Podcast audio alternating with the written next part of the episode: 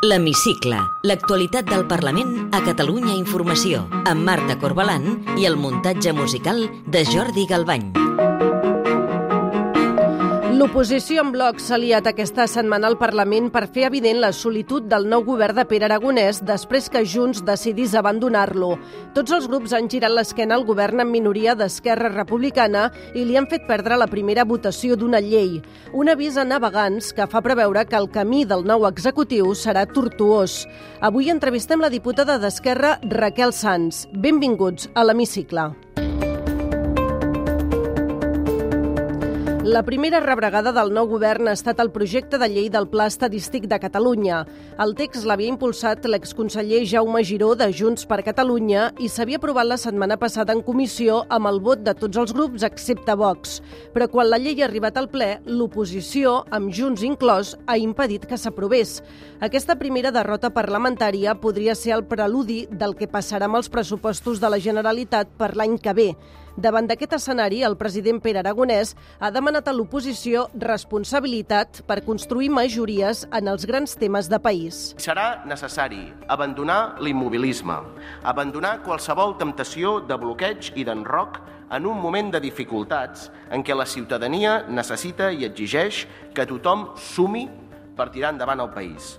I això passa per arribar a acords i construir enteses. El cap de files de Junts al Parlament, Albert Batet, ha culpat Aragonès de ser el màxim responsable de la seva solitud. La realitat és que vostè ha triat estar sol. És una decisió exclusivament seva. Tenia altres opcions, algunes de molt senzilles. Complir els acords que van permetre la seva investidura.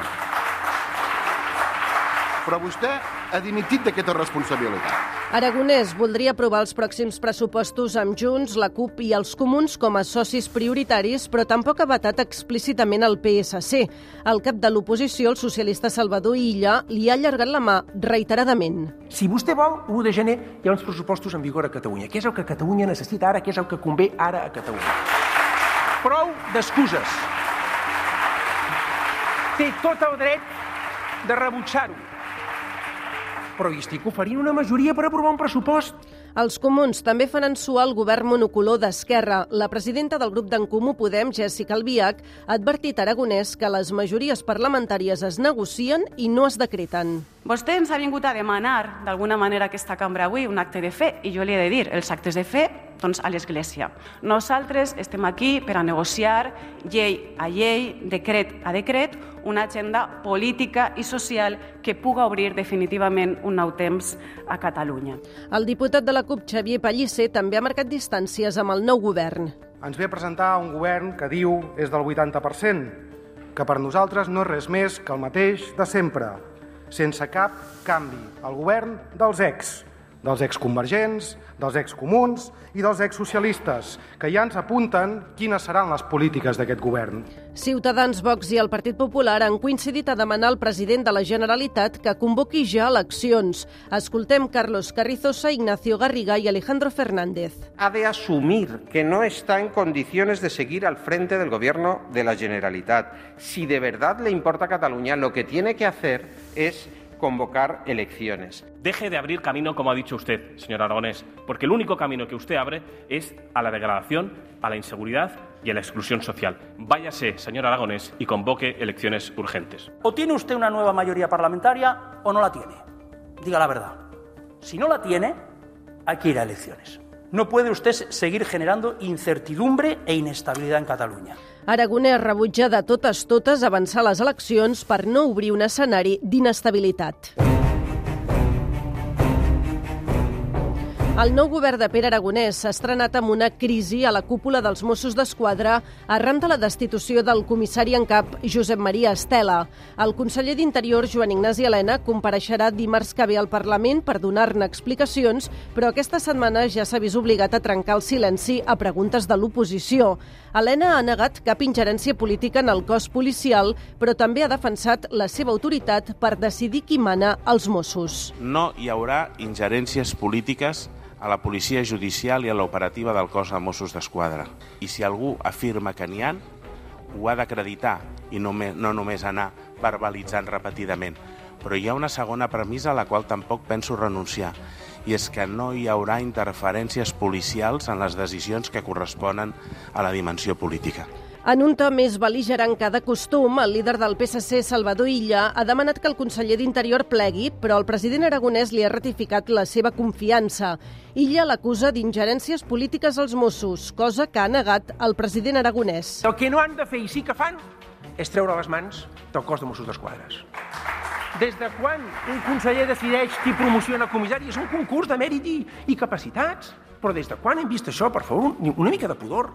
Jo rebutjo la idea de que el nomenament de comissaris sigui una ingerència política, perquè el nomenament de comissaris correspon al conseller d'Interior. La darrera vegada que vostès van tenir la responsabilitat de la Conselleria d'Interior van nomenar sis comissaris l'últim dia. L'últim dia i estan en funcions. Té la paraula. Soc la Raquel Sans Guerra, diputada d'Esquerra Republicana pel Camp de Tarragona. L'oposició ha fet caure aquesta setmana la primera llei del govern en minoria d'Esquerra. Creu que és un avís a navegants del que vindrà a partir d'ara? Qualsevol cas, el que crec que és una irresponsabilitat eh, tombar una llei que ha costat molt de fer, que el, en aquest cas el conseller Giró havia treballat al Departament d'Economia, una llei a la qual no s'havien presentat esmenes, una llei que es va aprovar dimarts de la setmana passada amb el vot favorable de tots els grups, a excepció de l'abstenció de Vox i de la CUP, que no va assistir a la comissió, i per tant eh, va ser molt sorprenent veure aquest acte d'irresponsabilitat i fins i tot diria de partidisme per part d'algunes formacions polítiques, perquè en qualsevol qualsevol cas no disposar de la llei del pla estadístic a qui perjudica no és el govern de la Generalitat, sinó que el que perjudica és el conjunt de la ciutadania. La llei del pla estadístic és una llei, per entendre'ns, una mica tècnica, però d'aquí poques setmanes sí que s'haurien de votar els pressupostos de la Generalitat per l'any que ve, que eh, sí que tenen molta transcendència. De fet, seria la llei més important del govern. Si tenim en compte que Junts no ha permès aprovar la llei del pla estadístic, com es poden refiar que sí que aprovaran els pressupostos? Apel·lant a la responsabilitat perquè entenem no, que Junts per Catalunya havia treballat en aquests pressupostos, insistim que fins fa una setmana doncs és uns pressupostos que havia treballat el conseller Giró i de fet eh, el fet d'haver estat a govern per part de Junts per Catalunya els ha de fer ser coneixedors de totes les necessitats que tenim com a país. En, en un moment de complexitat com l'actual, eh, ho hem reiterat diverses vegades, tenim una situació econòmica, una situació de crisi, però també una, un context eh, mundial que requereix de, de disposar de pressupostos, de disposar més recursos per donar resposta a necessitats. Per exemple, eh, hem parlat de la gratuïtat, la gratuïtat del P2, això va associat a uns recursos i, per tant, necessitem recursos perquè la gratuïtat del P2 continuï vigent. Junts posa com a condició per asseure's a parlar dels pressupostos que abans el president se sotmeti a una qüestió de confiança, però Pere Aragonès ja ha dit que no activarà aquest mecanisme que depèn d'ell. Per què no vol sotmetre's a l'examen del Parlament per veure amb quins socis pot comptar? Perquè no és el moment, perquè ara és el moment de disposar de pressupostos, no de fer escenificacions polítiques que potser doncs, en, la, en la lectura d'un partit determinat poden ser interessants i poden ser útils, però en la lectura del país no ho són d'interessants. El PSC és l'únic partit que de moment ha allargat la mà al president per poder aprovar aquests pressupostos. Esquerra que prefereix una pròrroga dels pressupostos actuals o bé poder-los aprovar amb els socialistes i els comuns, per exemple? Esquerra ja ha dit que, que vol pressupostos, necessitem aquests pressupostos i, per tant, la priorització de la negociació també està molt clara amb aquells grups que han permès la governabilitat els últims anys, amb aquells grups que han permès disposar de pressupostos els últims anys i estem parlant clarament de Junts per Catalunya, de la CUP i dels comuns. És la priorització en la negociació per part d'Esquerra Republicana i és aquí, en el punt on, on som ara mateix. Eh, per nosaltres hi ha una línia molt clara que té a veure també amb el reconeixement de la situació de repressió que, que s'està vivint al, al país no? i eh, en tot cas el que emplacem al PSC, si té ganes de poder negociar, és a moure's en aquest sentit i per tant la responsabilitat d'aquesta possible negociació no és d'Esquerra Republicana, sinó és eh, del PSC i del seu immobilisme en, en aquesta qüestió.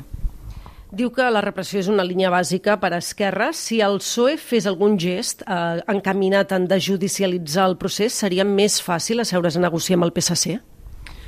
Insistim que en la prioritat d'aquesta negociació per part d'Esquerra Republicana hi ha aquells grups que han permès la governabilitat del país els últims anys, aquells grups que han permès l'aprovació de pressupostos els últims anys i aquells grups amb els que compartim aquesta idea del dret a autodeterminació i, per tant, aquest dret a que el poble de Catalunya pugui decidir lliurement el seu futur. Per tant, aquesta és la, la prioritat. Una cosa seria la negociació dels pressupostos generals de l'Estat, l'altra els pressupostos de la Generalitat.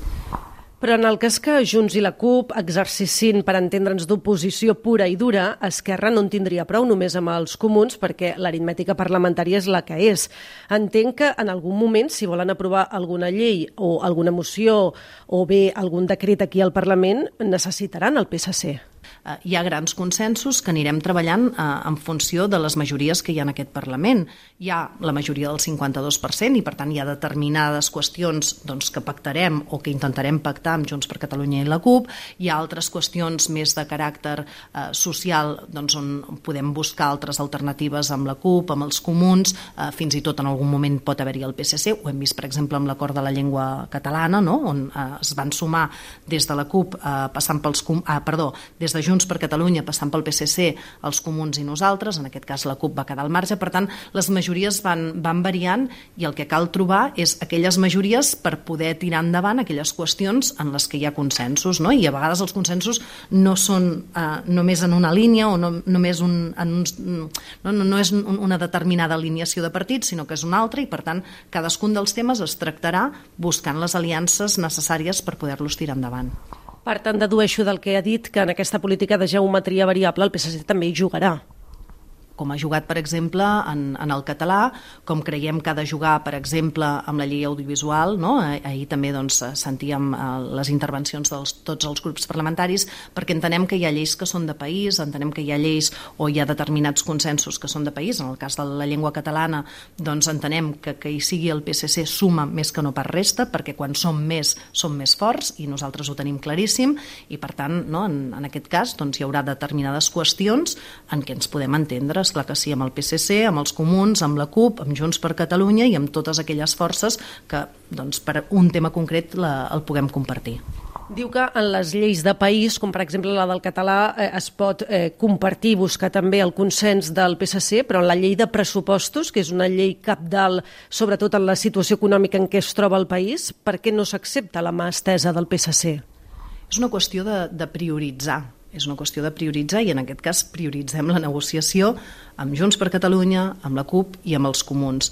I la mà estesa no es pot quedar en un gest, no es pot quedar en paraules boniques al faristol, perquè tu pots dir que vols negociar i mentrestant eh, doncs, tenir companys que estan pendents de judici eh, per entrar a la presó si no ens movem en aquest sentit, és difícil que, que puguem seure i puguem parlar i nosaltres la línia la tenim molt clara, la tenim molt marcada i ho hem reiterat eh, diverses vegades, per tant, eh, si el PSC realment vol negociar, és el PSC qui s'ha de moure. Nosaltres la prioritat en la negociació la tenim molt clara. Si li sembla bé, ens endinsem ara en el terreny més personal i li demano si pot contestar amb respostes tan breus com sigui possible. Què fa per desconnectar de la política? Arribar a casa tinc tres fills. Mm, quan arribes a casa, inevitablement desconnectes. Quin diputat o diputada, ideologia a banda, fitxaria per Esquerra? A l'Eulàlia Reguant. Els horaris de la política i d'aquí al Parlament li deixen temps per fer castells? El dia té 24 hores, però sempre se'n pot trobar alguna per, per intentar fer castells, perquè la veritat és que em dóna la vida. Té algun paisatge favorit? Els paisatges quotidians, aquells paisatges que, que formen part de, del meu dia a dia, Tarragona, Valls, són, són casa. Quina llei li agradaria que aprovés el Parlament aquesta legislatura? La llei audiovisual, no em podria dir una altra, però també eh, la llei de pressupostos. Crec que seria importantíssim tenir la llei de pressupostos. Té algun viatge pendent? Si tinc algun lloc en cartera, és l'Argentina. I ja per acabar, completi la frase següent. El que més m'agradaria del món és... Que la gent que estimo, que, que de fet és molta, eh, fos, fos feliç, o sigui, que hi hagués felicitat eh, i poc patiment per la gent. Raquel Sanz, diputada d'Esquerra Republicana al Parlament, gràcies per atendre'ns a l'hemicicle de Catalunya Informació. Gràcies a vosaltres i ho poseu difícil, eh? Podeu tornar a escoltar l'hemicicle al web catradio.cat barra hemicicle o al podcast del programa. I seguir l'actualitat del Parlament al perfil de Twitter arroba L-hemicicle.